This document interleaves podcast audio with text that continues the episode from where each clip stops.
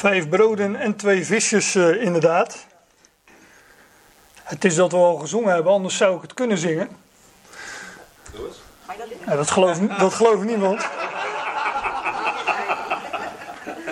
Maar dit is wel een van de ehm, liedjes die uh, uh, vanaf de basisschool zeg maar, toch ergens in mijn geheugen zijn blijven hangen. Ik heb er een, uh, van de week zitten tellen, kwam niet verder dan, eh, dan drie liedjes, maar vijf broden en twee visjes nam een kleine jongen mee die naar Jezus wilde luisteren aan de zee van Galilee. Dat is ook het enige couplet dat ik ken. Er zullen ongetwijfeld meer zijn. Ik heb het niet opgezocht. Maar zo zie je maar dat uh, dat soort dingen toch wel kunnen blijven hangen. Um, ja, die geschiedenis van uh, vijf, het is niet vijf broodjes en twee vissen. Nou ja, en uh, er zijn nog meer varianten natuurlijk, maar er staat echt vijf broden en twee visjes. Dus dat heb ik dan maar overgenomen. Um, die geschiedenis is een, wordt ook wel een wonderbare spijziging genoemd. En uh, ja, ik weet niet of iedereen dat weet, daarom vermeld ik het maar. Maar we kennen in de Bijbel twee wonderbare spijzigingen. En uh, nou ja, ik heb, uh, ik heb dat even in een diatje gezet. Die, uh, die één is, ehm, ehm, ja, die jullie links zien, die wij dus gaan bespreken. Vijf broden, twee visjes, een uh, wonderbare spijziging waarin 5000 mannen werden gevoed. De vrouwen en kinderen niet meegerekend. En er waren 12 manden over. Tom? 12 manden over. Ja. Dus daar gaan we nog wat over zeggen natuurlijk, over die 12. Dit keer niet over Indianen, maar. Uh... maar um, ja, wat Tom net al naar voren bracht, hè, dat. Uh, um, het heeft iets met, uh, met volwassenheid te maken, hè? en dus met, met heerschappij. Nou, daar komen we nogal op. Die andere wonderbare spijzering, die, ehm, heb de schriftgedeelte er trouwens ondergezet, daar komen we zo nogal op. Maar die betrof zeven broden, enkele visjes, dus dat, kunnen er ook twee geweest zijn. 4000 mannen, Hetzelfde geldt hier weer, hè, de vrouwen en kinderen niet meegerekend. En zeven manden over. Dat is wel leuk. Als je nou verder niet over de betekenis van die geschiedenis eh, zou gaan spreken, dan zie je hier in ieder geval dat hoe minder er is, hoe meer er over is. Dat is al de eerste les die we kunnen trekken. Dat eh, en dan loop ik een beetje op, uh, op de muziek vooruit, maar dat uh, genade, want daar staat die vijf ook voor, onder andere voor, altijd overvloedig is. Nou, die uh, eerste wonderbare spijzering, dat is redelijk uniek. Die vind je in alle vier de evangeliën. En ehm, ik zeg dat is redelijk uniek. Natuurlijk zijn er ook uh, andere gebeurtenissen die we beschreven vinden in alle vier de evangeliën de, bijvoorbeeld de gebeurtenissen, met name bedoel ik dan rond het lijden en sterven en de kruising van de Heer Jezus en zijn opstanding. Ja, dat vinden we ook in alle vier de evangeliën. Maar als het gaat om uh, wonderen, tekenen, ja, dan is dit, meen ik, het enige wonder, het enige teken wat we in alle vier de evangeliën beschreven vinden. Dus dat geeft ook een bepaalde nadruk aan deze geschiedenis. Dus het lijkt me geen overbodige luxe om, uh, om die eens te bespreken. Als er nadruk op ligt, dan uh, moeten we die ook eens uh, nader bezien. Die andere vind je in, voor de statistieken in, alleen in Matthäus 15 en, en Marcus 8. Je ziet wel dat als je ze naast elkaar legt, dat ze vrij kort ook op elkaar volgen. Nou, ik ga hem bespreken uit Johannes, dus die heb ik wat geac geaccentueerd. En ehm, af en toe wat verwijzingen natuurlijk naar, naar, naar de andere evangeliën. Maar Johannes, het evangelie van Johannes, dat vangt zo'n beetje aan. Jo, nou, dit is Johannes 2, dus ik zeg het vangt zo'n beetje aan. Dit is nog in het begin van Johannes. Daar staat dat, um, dus na, naar aanleiding van de bruiloft te Cana. Dit begin van de tekenen doet Jezus te Cana in Galilea. En hij maakt zijn heerlijkheid openbaar en zijn leerlingen geloven in hem. Wat Jezus gedaan had in, uh, in Johannes 2 is water in wijn veranderen. En dat was natuurlijk een wonder. En dat was fijn voor die mensen op dat, uh, op dat moment. Dat, uh, dat er gewoon door kon, kon worden gegaan met het drinken van wijn op die bruiloft. Maar er staat hier dat dit een teken is. En dat hij daarmee zijn heerlijkheid openbaar maakte. Dus die teken, de, de, de, het wonder wat daar geschiet, en dat geldt voor alle wonderen in, ik mag wel zeggen in de schrift, maar laten we het nu even bij het evangelie van Johannes houden. Dat voor al die wonderen geldt dat het ook tekenen zijn. Dus het betekent iets. Kijk, we gaan straks naar de geschiedenis van de wonderbare spijzing. En dat is natuurlijk ook fijn dat die mensen te eten hadden. Maar als ze maaltijd hadden overgeslagen, waren ze ook niet dood gegaan. En als ik het nou. Uh, ik weet niet of ik dat mag zeggen, maar als ik dat. Dus dan zal ik me vast excuseren. Maar als ik het dan enigszins grof zeg, dan zeg ik van ja, ze zijn toch allemaal dood gegaan uiteindelijk. Dus echt veel geholpen heeft het op de lange termijn dan ook niet. Dus het gaat erom dat die wonderen die we in de, in de schrift en uh, hier in Johannes vinden, dat het tekenen zijn waarin de heerlijkheid van de Heer Jezus Christus gedemonstreerd wordt. Daar maakt, in die tekenen maakt hij zijn heerlijkheid openbaar. Dat betekent dus dat die tekenen een betekenis hebben die verborgen is. Hè? Want dat is tegenovergesteld van openbaar maken. Nou, zo begint het Johannes-evangelie. Maar zo eindigt het ook ongeveer. In Johannes 20 wordt dan na al die uh, wonderen die uh, in Johannes beschreven zijn, dat zijn er, uh, ik meen zeven of acht, staat Jezus doet dan ook vele andere teken, tekenen voor de ogen van zijn leerlingen, die niet geschreven zijn in dit boek. Oftewel, de Heer heeft in zijn wandel op aarde nog veel meer van die, van die tekenen gedaan. Maar deze dingen zijn geschreven opdat jullie zullen geloven dat Jezus de Christus is, de Zoon van God. En opdat jullie die geloven het Ionische of het eeuwige leven hebben in zijn naam. Nou, de inhoud van dit vers, uh, daar ga ik nu maar verder niet op in. Maar ook hier staat weer dat het, een, dat het tekenen betreft die we in het Johannes-evangelie beschreven vinden. Dus daar begint het Johannes-evangelie mee en daar eindigt het uh, zo ongeveer mee. Natuurlijk volgt hierna nog een hoofdstuk, dus ik zeg zo ongeveer. Nog wat dingen uh, in vogelvlucht over het Johannesevangelie.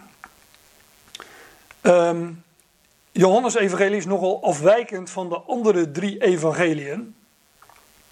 In de zin van Matthäus, Marcus en Lucas, dat noemt men wel de synoptische evangeliën. Dat is ook een Grieks woord, synoptisch. Uh, synoptisch betekent zoiets als samen gezien. Dus je kunt zin en optisch samen zien. Je kunt die, die, die, die evangeliën, de beschrijvingen erin van de gebeurtenissen, heel makkelijk naast elkaar leggen. Ik heb uh, in de boekenkast thuis een, uh, een, uh, serie studiebijbel staan. Ooit van mijn vader had. Waarvoor nog dank. voor het digitale tijdperk, zeg maar. Maar ik heb er nog steeds heel veel aan. Maar daar zit ook een, een deel bij. Um, dat heet synopsis. En daarin legt men die evangelie naast elkaar. Matthäus, Marcus, Lucas. Dus uh, bijvoorbeeld, bijvoorbeeld van die wonderbare spijziging. Zeg maar, nou, dat is in Johannes 6 en Matthäus 15. Um, en dan heb je dus een kolom met Matthäus, een kolom met Marcus, een kolom met Lucas. En dan wordt het elke keer netjes naast elkaar gegeven. En heel soms zitten daar hiaten in, hè, dat uh, de een het wel beschrijft en de ander niet. Maar dan zie je bij het Johannes-evangelie, die staat er dan ook naast, die hebben ze er ook naast gezet, dat het bijna altijd leeg is. De dingen die Johannes vermeldt, die worden vaak weer niet in de andere evangelie vermeld. Dus het is een. Uh, bijvoorbeeld de bruiloft Cana, daar hadden we het net over, die noem ik dan uh, ook maar weer als voorbeeld. Nou, die vind je niet in de andere evangelie. Dus uh, ja, eh, het Johannes-evangelie wijkt nogal af. Er zijn veel overeenkomsten tussen deze drie, Matthäus, Marcus, Lucas. Nou, dat heb ik al gezegd. En uh, algemeen aanvaard is ook wel dat uh, Johannes zijn evangelie, evangelie veel later schreef. In ieder geval later dan de andere drie. En we vinden dat zullen we ook in deze geschiedenis van de, van de vijf broden en twee visjes zien, vinden vele verborgen aanwijzingen dat het koninkrijk niet zou openbaar worden, maar verborgen. Die vind je ook wel in de andere evangeliën.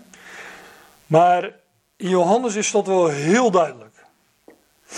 Zeker als, ja, met, met de kennis die wij hebben, de brieven van Paulus. Paulus maakt de verborgenheid openbaar. En die maakt hij bekend. En wij mogen die kennen. En ik denk eigenlijk, dat kan ik niet bewijzen, maar ik denk dat Johannes ook met Paulus had gesproken. Zoals wij nu de brieven van Paulus lezen, zo heeft, meen ik, hij, had hem, sowieso gesproken, had hem ooit ook de rechterhand der gemeenschap gegeven, lezen we in gelaten, dus ze, kenden elkaar.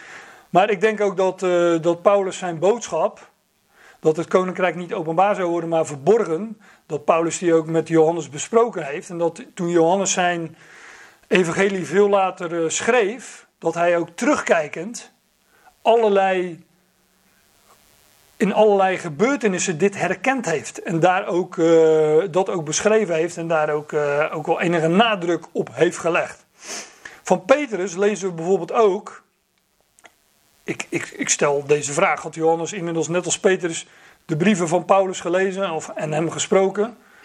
Als je het mij vraagt, is uh, een, een redelijk retorische vraag. Van Petrus lezen we dat hij zegt over de, de wederkomst van Christus.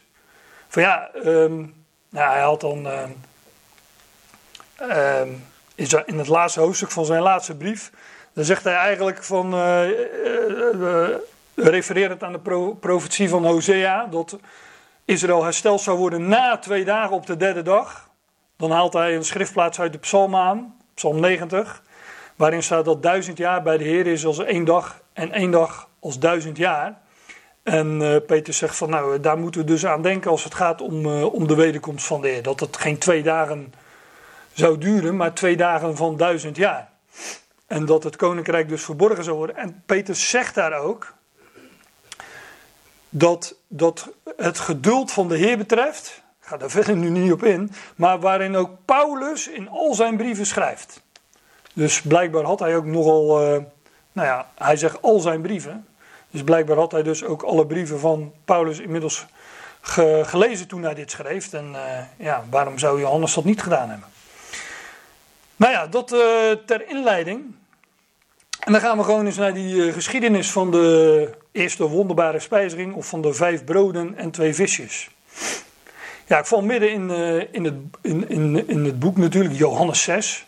Dan staat er na deze dingen ging Jezus weg naar de overkant van de zee van Tiberias in Galilea. En na deze dingen, dat is um, in ieder geval naar aanleiding van het voorgaande in Johannes 5, waar we lezen dat Jezus wordt afgewezen in Jeruzalem. En um, ik, ik, ik lees nu een, een kort gedeelte waar, waaruit dat blijkt, maar le, lees het hele hoofdstuk thuis um, nog maar eens na. Daar zegt Jezus tot de, tot, tot, de van het volk. Um, daarbij zij onderzoek de schriften.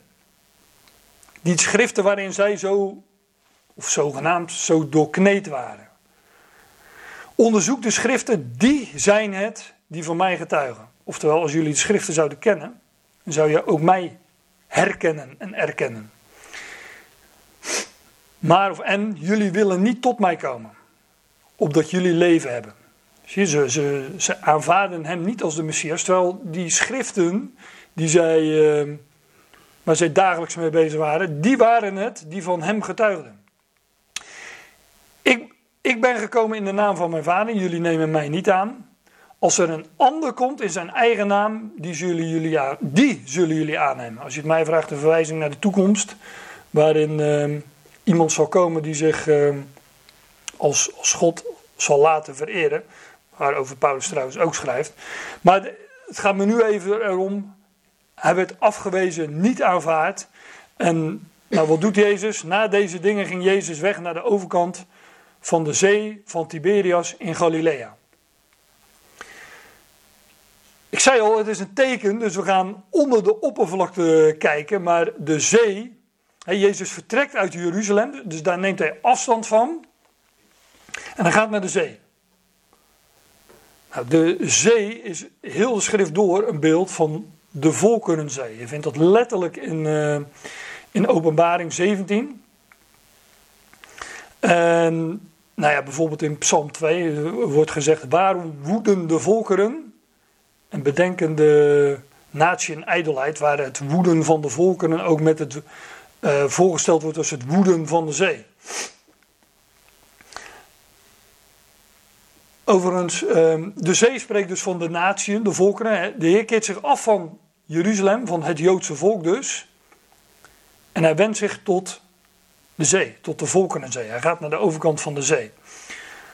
Overigens, hier wordt die, uh, die zee wordt hier genoemd de zee van Tiberias. Wat ook een heiden was, Tiberias, want het was een Romeinse keizer. Dus ook dat spreekt van de heidenen, van de natieën. Die, ja, die, die zee, ik zeg nu, het, eh, het, staat hier dus de zee van Tiberias, maar die, uh, dat, die zee of dat meer had nogal wat namen. Uh, ook de zee van, of het meer van Galilea trouwens. Dus Galilea, dat vinden we ook in het vers, maar daar kom ik er straks op. Het wordt ook genoemd het meer van Kinneret. Dat is Hebreeuws, Kinneret. In het Grieks is dat weer Genezeret. Dat vinden we dus terug in, de, in, ons, in ons Griekse Nieuwe Testament. Maar Kinneret betekent, is afgeleid van kinoor. En dat betekent harp. En dat meer, die zee, of meer, het is natuurlijk een, eh, eh, hoe noem je dat, een binnenzee, als het, als een zee is, of een meer. Nou ja, het wordt zo uh, ook afwisselend genoemd in de schrift, een meer of een zee. Maar dat meer heeft ook de vorm van een harp. En uh, in de psalmen vinden we een, een, een hele cryptische uitspraak. Ik zal mijn oor uitstrekken tot een spreuk. Ik zal mijn raadsel bij de harp openen. En uh, je vindt dus in. Uh, ja, dat, dat, dat, uh, dat doe ik nu even uit het hoofd. Ik ga, ga het allemaal niet laten zien. Maar je vindt dus in uh, Matthäus 12. Ik weet niet of jullie het hoofdstuk kennen, maar ook daar vind je een massieve afwijzing van de Heer Jezus. Dat, dat, dat, dat zij hem niet wilden als, uh, als Messias, niet herkenden, erkenden als Messias. En een massale afwijzing. Er wordt zelfs uh, het werk wat hij, hij, deed, hij geneest, daar, uh, hij, geneest daar iemand. En dat wordt dan zelfs toegeschreven aan, hoe staat het er? Volgens mij staat er aan de duivel of in ieder geval, of Beelzebul, de overste van demonen. Dus er, wordt, er wordt het werk wat hij doet door God, wordt zelfs gewoon omgedraaid. Dat wordt toegeschreven aan, aan de duivel en zijn demonen. Massieve afwijzing dan dan, daar. En wat de Heer dan doet in het volgende hoofdstuk, Matthäus 13, en dat hoofdstuk kennen jullie allemaal, want dat is het eerstvolgende moment, daar gaat de Heer spreken in gelijkenissen. En gelijkenissen, in tegenstelling wat we op de zonderschool geleerd hebben, zijn niet om dingen te verduidelijken, maar om dingen te verbergen. De Heer gaat daar spreken in gelijkenissen en dan komen discipelen later naar hem toe en zeggen van waarom spreekt u tot hen in gelijkenissen? En dan zegt hij niet van nou, dat, doe ik om dingen te verduidelijken zodat iedereen het snapt. Hij zegt juist nee, dat doe ik om dingen te verbergen. En, want aan jullie is het wel gegeven om die verborgenheden te kennen. En hij legt het dan ook uit aan zijn discipelen. Nou, als de gelijkenis de uitleg is, dan hoeft, die, hoeft de, de Heer het niet uit te leggen. Maar dat doet hij wel. En ik geloof dat hier in Psalm 49, dat dit een verwijzing is naar, uh, naar die verborgenheden, naar die gelijkenissen die de Heer ging spreken. En daar lees je ook dat de Heer van het land afging, in een bootje stapte op de zee. En ook dat was bij dit meer van Kinneret. Ook daar demonstratief verlaat hij het land en wendt hij zich tot de zee.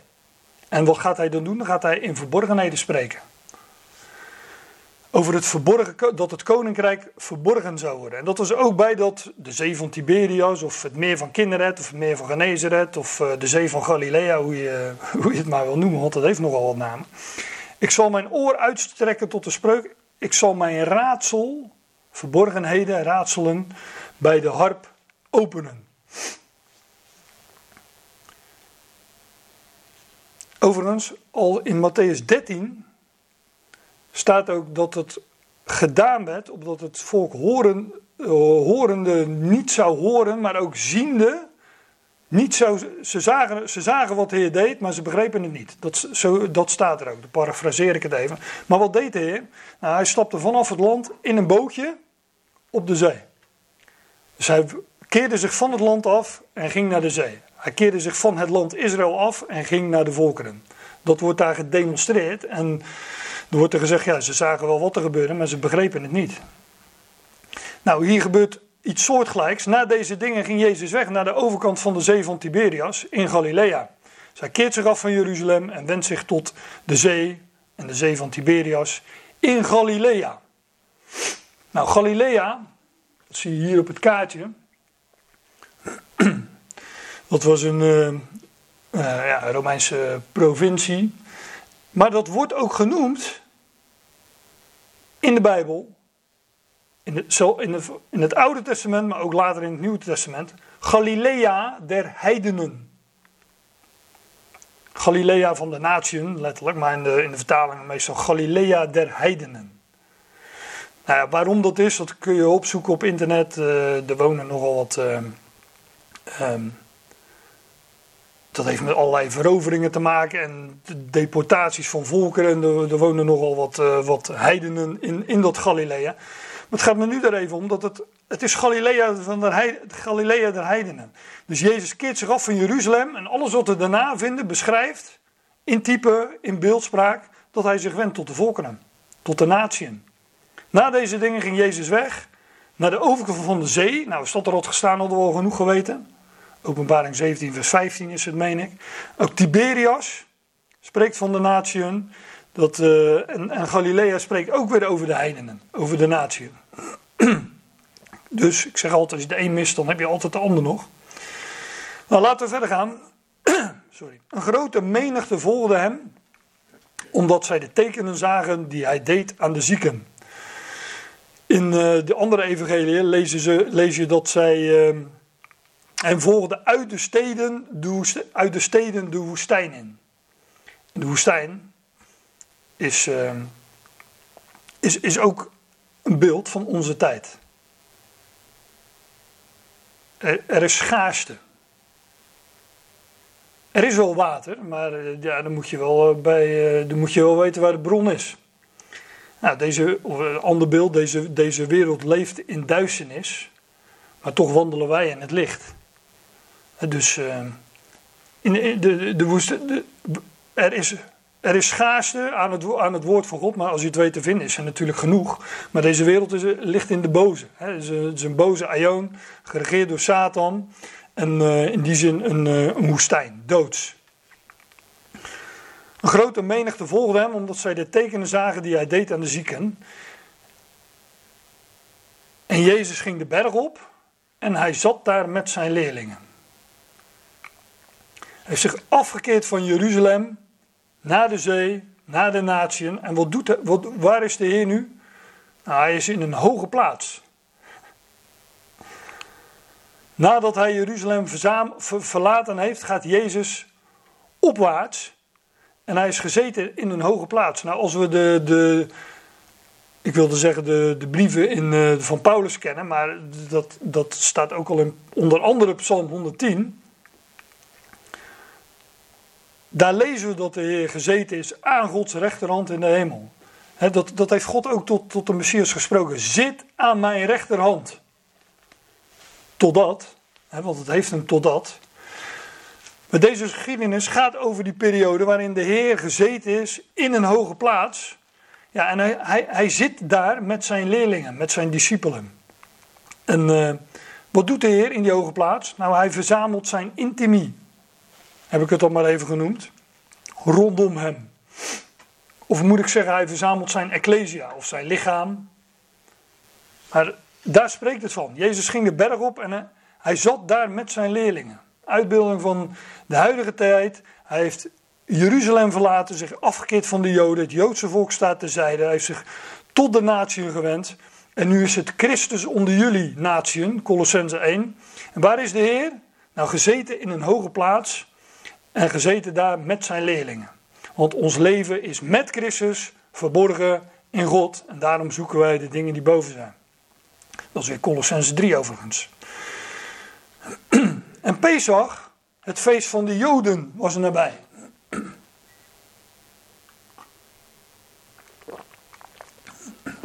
Dat is ook leuk, hè? want als jullie, uh, als we de schrift een beetje kennen, zouden ze zeggen: maar dat is toch een, hoogtij van, een van de hoogtijden van Yahweh. Leviticus 23, waar de hoogtijden van Yahweh worden beschreven, onder andere Pesach. Oorspronkelijk was het een van de hoogtijden van Yahweh, maar ja, ook hier wordt, wordt er afstand genomen van het Jodendom. Pesach, het feest van de Joden, was er nabij. Want het ware paaslam was gekomen, was bij hen in huis, om het zo te zeggen. zo, uh, de, die hoogtijden van Jaweh die beschrijven dat het volk op de tiende Nissan een paaslam in huis moest nemen. Natuurlijk als uitbeelding van de Heer Jezus Christus. En nu was het paaslam in huis, het huis Israëls. En zij erkenden hem niet. En dus was het... Uh, dus denk, ik denk dat er hier, dat er daarom ook gezegd wordt, het Pesach, het feest van de Joden, was nabij. Had ook gewoon kunnen staan, Pesach was nabij. Of Pesach, uh, een van de hoogtijden van Jahweh, was nabij. Maar dat staat er niet. Het feest van de Joden was nabij. Maar dat maakt ook meteen die, Pesach, uh, die wonderbare spijzering hier een Pesach maaltijd. En um, ik zei net, op 10 Nissan werd er een, uh, een paaslam in huis genomen. Die werd geslacht in de avond van de 14e. En de Heer stierf ook op die 14e. Toen de lammeren werden geslacht, toen stierf de Heer op dat moment. Want het is een vooruitwijzing naar het ware paascha, het ware paaslam. Zo noemt Paulus uh, dat onder andere in 1 Corinthië 5. En... Um, dus het, het feest van Pascha, om het zo te noemen, of het Pascha, spreekt typologisch van de dood en opstanding van de Heer Jezus Christus. Het is een voorafschaduwing van Hem die komen zou. Dus dat, paas, dat werd geslacht op de 14e. Nou, de 15e is ook nog een, eh, een, van de hoogtijden van Jewe. Lees je dan Leviticus 23, dat is de eerste dag dat hij in het graf was. Daar verwijst dat naar. En ehm, daarna werd de dag van de eerstelingsschoof werd, werd daar gevierd. En dat was de dag dat Christus opstond. Dus de dag van de eerstelingsschoof. Hij is de eersteling. Dat is ook in Paulus trouwens, ja, op, op meerdere plaatsen, onder andere in 1 Corinthië 15, de eersteling Christus. Hij is de eersteling hij is de eersteling en die dag van de eerstelingsschoof is de dag dat uh, die eerstelingsschoof voor de priester bewogen werd. En is een uitbeelding van de opstanding van Christus. En dat valt allemaal in die, uh, in die dagen, in dat, uh, dat feest van, van Pesach. Het is allemaal een verwijzing naar de dood en opstanding van de Heer Jezus Christus. En uh, ja, er zouden ongezuurde broden gegeten worden. Nou zeg ik niet dat de wonderbare spijzing dat het ongezuurd brood was. Maar in beeld is het dat natuurlijk wel. Het is een Pesach-maaltijd. Een uh, maaltijd ter ere van de, van de Heer Jezus Christus. En van zijn opstanding, de dag van de eerstelingsschoof. Jezus dan heft de ogen op en dan zag dat er een grote menigte naar hem toe komt. En hij zegt tot Filippus: Waar vandaan zullen wij broden kopen dat deze kunnen eten? Maar dit zei hij om hem te beproeven, want zelf wist hij wat hij zou doen. De heer, wist, de wist dus wat er zou gebeuren. Filippus dan antwoordt hem: 200 denariën brood is voor hen niet voldoende als ieder een klein beetje zal krijgen. Een, een, denariën, of een uh, denarius is ze dan, hè, het enkelvoud. Dat is een, uh, vind je elders in de schrift, dat is een, uh, een dagloon. Hoeveel het dan precies is, dat, dat weet ik niet. Maar het doet er ook niet toe. Het gaat, het gaat om dat getal dat ervoor staat. En of, het, en, uh, of het nu 20 jaar is, of 2000 ellen, of twee, ik had net over twee dagen van duizend jaar. Ook dat is weer een verwijzing naar onze huidige tijd, die twee dagen van duizend jaar, waarin uh, Christus verborgen is op de berg met zijn intimie. En uh, waarin hij dus zijn intimie rondom zich uh, verzamelt. Hè. Het Joodse volk staat terzijde en ehm, hij bevindt zich nu onder de natieën. Dat is wel leuk, want ik, ik, ik, ik zat eens te zoeken van wat is nou zo'n denarius. En toen vond ik dit op, op, op Wikipedia. Het woord denarius komt van denarius nummus, wat munteenheid van 10 betekent. Want zijn waarde was aanvankelijk 10 as. Nou, wat 10 as is, uh, weet ik niet. Het zal niet veel zijn als het as is, maar. Maar ja, doe de math, uh, zeggen de Engelsen. 200 keer 10. Dan kom je toch op die 2000. Dus uh, als je niet via die 2 van die 200 komt, dan, uh, dan, kom, je, dan kom je toch uiteindelijk. Dus ik, dat vond ik wel een mooie bevestiging. 200 denariën brood is voor hen niet voldoende als ieder een klein beetje zal krijgen. Een van zijn leerlingen, Andreas, de broer van Simon Petrus, zegt tegen hem: Hier is een jongetje dat vijf gerstebroden heeft en twee visjes. Maar wat betekent dit voor zoveel? Ja, dat is natuurlijk de vraag. Wat, als je het mij vraagt, is dit. Uh, Zo'n vraag is ook weer een, uh, een raadsel.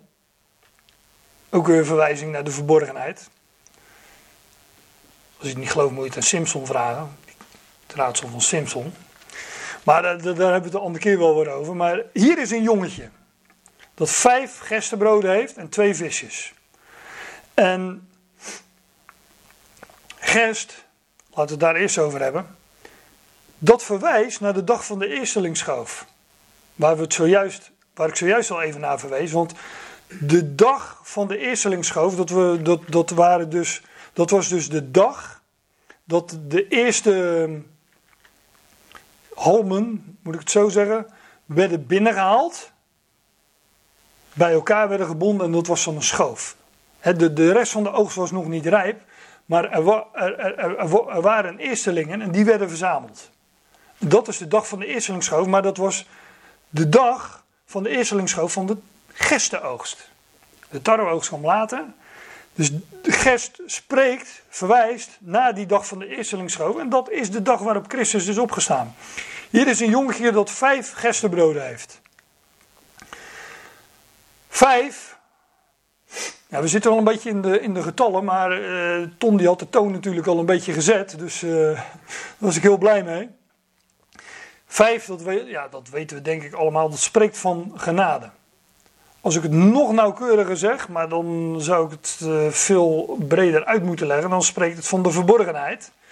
En daar komen we zo nog wel op terug, want de vier spreekt van zichtbare dingen. We kennen in de, in de schrift de vier winden der aarde, zichtbare dingen der aarde, de vier hoeken van de aarde. Maar vier spreekt van de zichtbare dingen, van aardse dingen. Maar de vijf, een beetje gevoel hebben voor typologie, ligt daar voorbij. En dat spreekt dus van verborgen dingen. En dus zeggen wij van genade, want deze verborgenheid is een huishouding van genade. Zo noemt Paulus dat in, uh, in Efeze 3. Dus vijf gerstenbroden spreekt van genade en van de dag van de eerstelingsschoof van de opstanding van Christus. Vijf gerstenbroden dus en twee visjes. Nou, vissen, daar komen we natuurlijk ook weer uh, bij de zee terecht.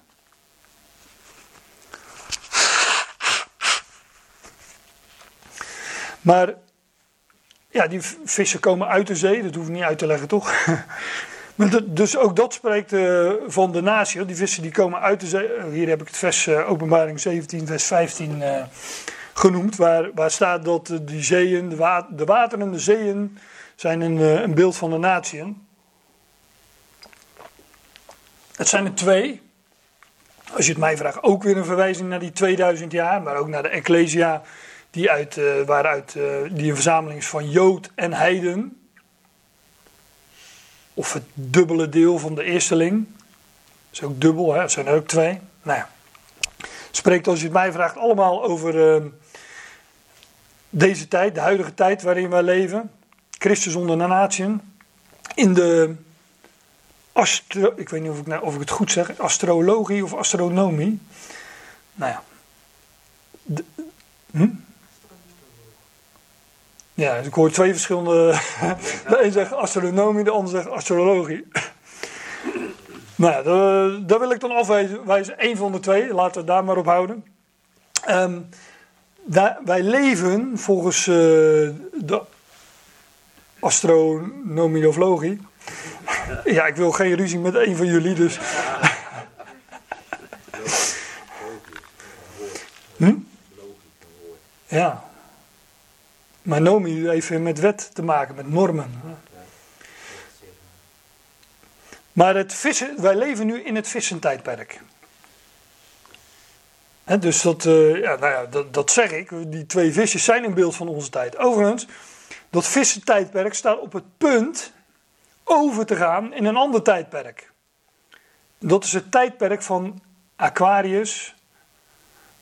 Heb je ook liedjes over trouwens. Ehm, maar dat is de waterman. En dat, die waterman, die is weer een beeld van de Messias, die zijn geest, zijn woord, zijn water, uit zal storten over alle vlees. Dus uh, ook in de sterren, dat kan ik hier wel zeggen, maar er zijn natuurlijk genoeg kringen waarin, waarin men zegt van ja, maar dat is occult. Nee, die sterrenbeelden, en alles wat ermee samenhangt, de sterren, hij kent ze bij naam, hij heeft ze gemaakt en die sterrenbeelden, uh, die, die worden, worden ook gewoon een aantal bij namen genoemd in de schrift. Dus hij heeft die gemaakt. Nou, wij leven in dat vissentijdperk en uh, die twee visjes zijn een beeld van onze tijd. En Jezus zei: Laat de mensen gaan zitten. Moet je, moet kijken in de interlineair wat er staat. Er staat achteroverleunen. Een positie van rust beeldt het uit. De, de Heer is gezeten ja, op die berg in deze geschiedenis, maar als uitbeelding van zit aan mijn rechterhand, totdat. Maar de Heer zit daar ook in een positie van rust. En zijn, degene die hij tot zich roept, ja, ook zij hebben een positie van rust. Ook, ook wij zijn gezeten. Ik, ik nu even niet, maar jullie wel. En wij zitten aan zijn voeten, zoals Maria daar ooit zat en wij luisteren naar zijn woord. Wij luisteren naar wat hij te zeggen heeft. Nou, die mensen gingen ook zitten en de, als uitbeelden van een, eh, een, positie van rust. In uh, Marcus en Lucas staat er nog bij dat het was in groepen van, komt die vijf weer, 50 en ook 100. 100 is twee keer 50, maar ja, 100, daarover heb ik uh, vorige week op een andere plaats nog uh, gezegd. Dat dat. Uh, spreekt van de vervulling van de belofte. Met wie had ik het net over? Abraham en, Isaac en Ismaël. En met Inge geloof ik, maar die is ze niet. Maar Abraham kreeg Isaac toen hij 100 jaar oud was. Toen werden de beloften vervuld aan hem. Ze spreekt van de vervulling van de belofte. Overigens is het wel leuk dat um, bij de kruisiging van de Heer Jezus. de eerste die hem erkende als de zoon van God, waarlijk deze was Gods zoon, een heiden was en was een hoofdman over honderd. Dat is ook een leuke, zoek die maar eens op. Obadja verborg 100 profeten in groepen van 50, verborg in een spelonk voor Izebel. Zou dat ook iets eh, te maken hebben met eh, de tijd waarin wij leven? Izebel, degene die eh, een, een mens van de wetteloosheid die tot afgoderij uh, verleidt. Nou ja, voor de fijnproeven zeg maar. Maar misschien zijn jullie dat allemaal. Dat, uh... Laat de mensen gaan zitten. Hè? En dus die mensen die krijgen een positie van rust. Dan staat er ook nog, er was veel gras op die plaats.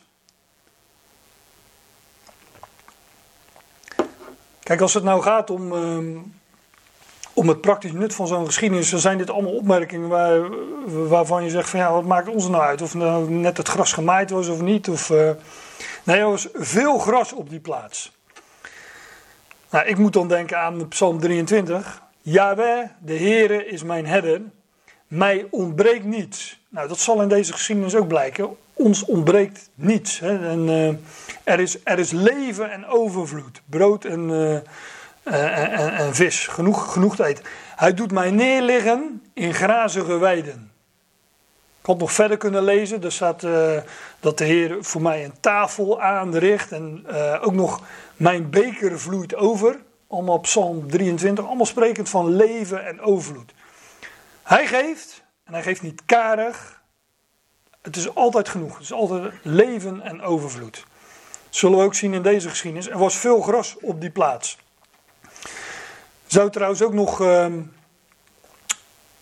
kunnen zeggen dat het gras ook verwijst naar de vergankelijkheid van de mensen. Gelijk het gras is ons kortstondig leven. Ik weet niet of dat nou een bijbeltekst is of een lied, maar in ieder geval een lied. Psalm, ja. In ieder geval uh, naar aanleiding van, uh, van een schriftfase. Gelijk het gras is ons kortstondig leven. Of, um, ik meen dat het Petrus is. Het gras verdort, de bloem valt af.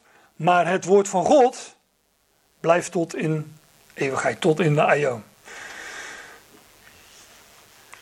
Zo zaten dan de mannen in getal van ongeveer 5000. Ja, daar heb je dus die, uh, die 5000.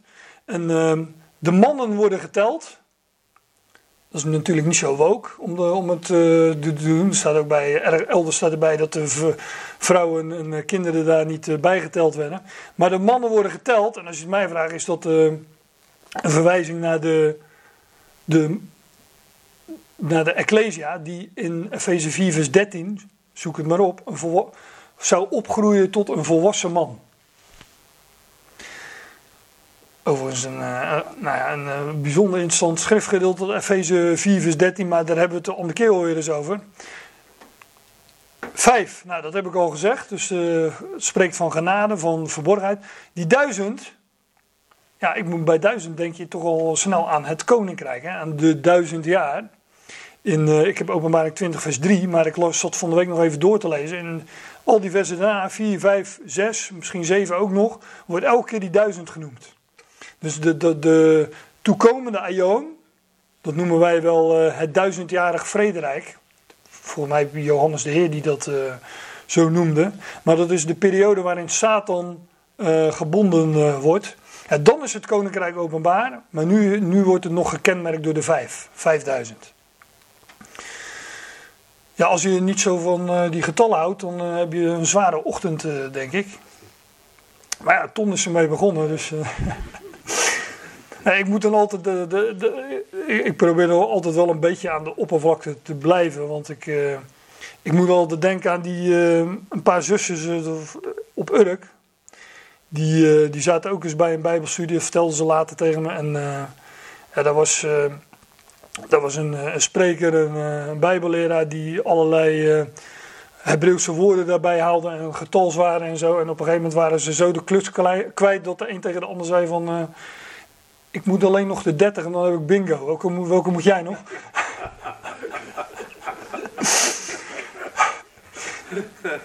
dus uh, als ik dat, uh, als ik jullie tegen elkaar zie fluisteren en dat soort dingen opvang, dan weet ik dat ik, dat ik moet stoppen. ik zal geen namen noemen, maar ik weet nog wel wie het waren. Maar dat doen we, dat doen we niet doen we straks al bij de koffie. Hè? Nou, ze hoeven niet aan de schand te houden. Zo zaten dan de mannen in getal van ongeveer 5000. En Jezus dan nam de broden en hij dankt. En hij deelt ze uit aan hen die daar aan liggen, heet het hè. Niet, zitten, maar ze leunden achterover, dus ze, ze lagen aan. Evenzo ook van de visjes, zoveel als zij wilden. Hier staat Jezus dan nam de broden en hij dankt. Elders staat dat hij, eh, in een van de andere evangelieën dus, staat dat hij de zegen uitsprak.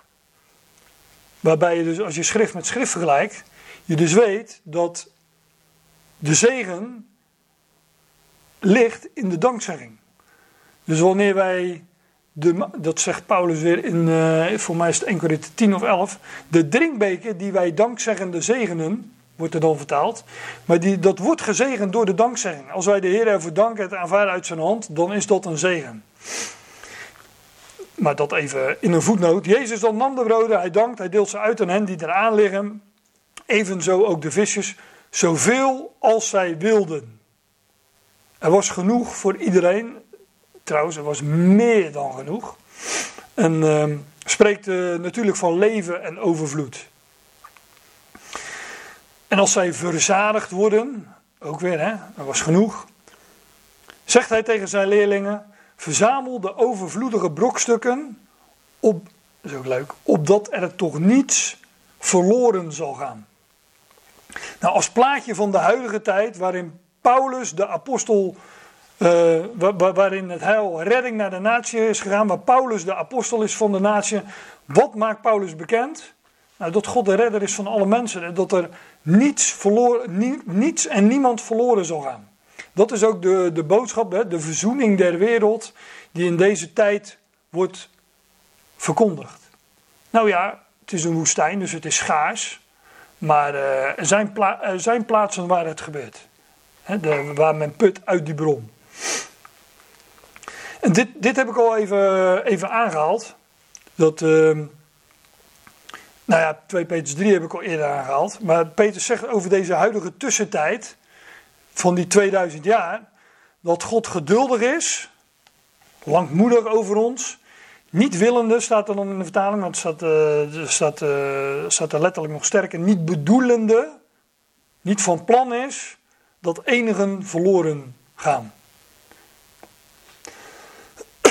Dat is wat, uh, wat er in de huidige tijd, in deze tussentijd dat de redding naar de natie is, gepredikt wordt. Verzamelde overvloedige, overvloedige moet het zijn natuurlijk, brokstukken opdat er toch niets verloren zal gaan. Zij dan verzamelden en zij maakten, maken twaalf manden, bordenvol met, bordenvol, bordenvol met de brokstukken van de vijf gessenbroden, wat overgebleven was van degenen die gevoed worden. Dus iedereen had voldoende, meer dan voldoende. Men was verzadigd, er was uh, zoveel als iedereen wilde. Dat wordt dan, uh, dan wordt uiteindelijk verzameld wat over is. En daar zijn over twaalf manden. En niet uh, met een bodempje, maar bordevol met de brokstukken van de vijf gestenbroden. Dus nadat de 5000 gevoed zijn, even dubbelzin, met dubbelzinnige oren luisteren wat ik nu zeg. Nadat er 5000 gevoed zijn, als uitbeelding van onze tijd, wordt de overvloed van de vijf, maar ik zei die vijf spreekt van de genade, van de verborgenheid, verdeeld over de twaalf. Maar waar staan de twaalf voor? Ja, de de twaalf, de, als we de, de Bijbelstudie doen en we denken aan de twaalf, dan denken we als eerste aan de, de twaalf zonen van Jacob, oftewel de twaalf stammen. Dus wij leven in een huidige tussentijd waar de Heer gezeten is op de berg, zijn intimie rondom zich verzameld, leven en overvloed uh, geeft aan, uh, aan de vijfduizend, die tot hem zijn gekomen in de woestijn. En wat over is van de vijf, dat is voor de twaalf. En zo zal het ook chronologisch gaan in de toekomst. Na deze huishouding van genade is Israël aan de beurt. Israël dat nu terzijde staat. De Heer heeft zich afgekeerd van Jeruzalem, van Israël. Maar na deze huishouding van genade, na deze tussentijd waarin de Heer is gezeten aan Gods rechterhand. Ja, hij is gezeten totdat. En hij zal, ehm, als Israël de naam van Jehovah zal aanroepen, zal hij verschijnen op, uh, op de olijfberg Zacharia 14. En zo zal Israël het leven ontvangen. En dus daar spreken die, uh, die twaalf mannen van. En uh, ja, die worden dus ook gevoed uit die vijf. Nou, wanneer dan de mensen zien welk teken Jezus doet, zeiden zij: Dit is waarlijk de profeet die in de wereld komt.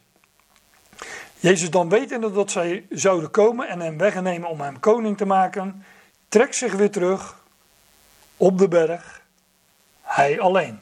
Dus hier herhaalt het zich, hij trekt zich weer terug op de berg, hij alleen. En nu, dit is de, de eerste vers eigenlijk van een nieuwe geschiedenis.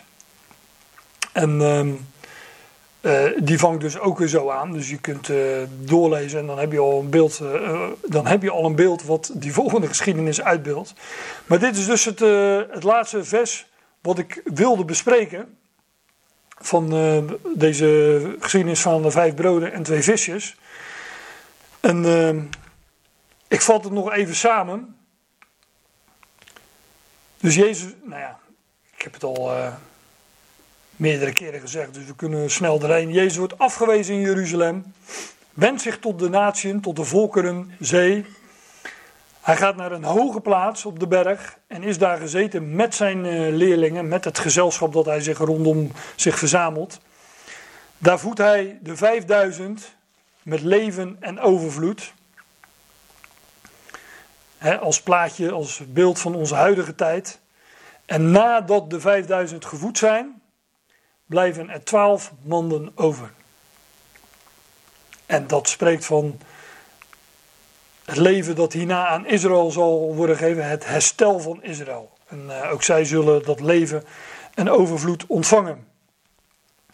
Nou uh, zie ik uh, dat ik mezelf nogal twee minuten kan geven. Want misschien zijn er toch ook wel mensen die nieuwsgierig zijn. En, die, en die andere wonderbare spijziging dan. Nou, die ga ik niet helemaal bespreken. Maar laat ik een paar uh, bullets geven um, om jullie uh, op het juiste spoor te zetten. Zodat je vanmiddag en de komende week ook nog iets te doen hebt. Maar die tweede wonderbare spijziging. Kijk, we, we hebben wat, wat dingen. We, we, we hebben de details van die eerste besproken. Dus dan wordt het ook niet zo moeilijk om dat in te vullen. En, um, maar uh, even de Even ter herinnering, zeven broden, enkele visjes, 4000 mannen. Daar, over die vier heb ik ook al iets gezegd. Zeven mannen over. Nou, uit die vijf kregen, worden straks de twaalf gevoed. En um, na de spijziging, dat is in de evangelie zo, na de spijziging van de 5000 volgt de spijziging van de 4000. Die stelt er niet voor, maar die ligt erachter. En chronologisch spreekt het ook van de tijd die komen gaat. En wij leven in die tussentijd, maar hierna, dan, uh, dan, wordt, dan worden de 4000 gevoed. Wie zijn dan die uh, eh, 4000? Nou, we leven nu in de verborgenheid, maar hierna, dat is chronologisch zo natuurlijk, volgt de openbaring van het koninkrijk. En dat begint bij Israël, bij die twaalf, maar dat hebben we al besproken. En dat zal zijn daarom speelt die zeven zo'n prominente rol in die andere geschiedenis. Dat, we hadden het net over twee dagen van duizend jaar. Maar dat zal zijn in de zevende dag van duizend jaar. Zijn jullie er nog? Maar straks zal er een sabbat met hoofdletters aanbreken voor Israël. Een dag, de dag van je van duizend jaar. En deze geschiedenis speelt zich af, lees je volgens mij in Marcus 8, Um, ik had dat gisteren zo in mijn Bijbel en er stond hier de wonderbare spijring. Op de andere pagina stond de, het eh, Jezus verblijf in het buitenland bij een Syro-Fenicische vrouw. Wat een uitbeelding is van onze tijd, hè? de tijd in het buitenland. En daarna komt de wonderbare spijziging. Nou, dan weet je waar het van spreekt. Die zal, die zal zijn op de derde dag. En um, ja, want ja, dan wordt het een beetje ingewikkeld, maar jullie zijn natuurlijk allemaal. Uh, jullie hebben goed geslapen allemaal vannacht. Uh, en net koffie op. En nog even volhouden, dan gaan we weer naar de koffie. Maar dat is Johannes 2. Op de derde dag was er een bruiloft. Hè? Dat is na twee dagen. Die dagen van Petrus hebben het over. Hè? Dus dagen van duizend jaar. Na twee dagen, op de derde dag, zal er een bruiloft zijn. Want het nieuwe verbond dat met Israël gesloten gaat worden, wordt voorgesteld als een bruiloft. En daar is de geschiedenis van de bruiloft te Cana natuurlijk de uitbeelding van. Overigens, die geef ik er dan ook nog even bij. Ik had het over Johannes die terugkijkt en allerlei um, verwijzingen maakt naar de verborgenheid. De Heer Jezus gaat in Johannes 4 gaat hij ook nog naar een Samaritaanse, een Samaritaanse vrouw. Samaria, ook een beeld van de heidenen. De Joden meden vermijden dat Samaria als, uh, als de pest.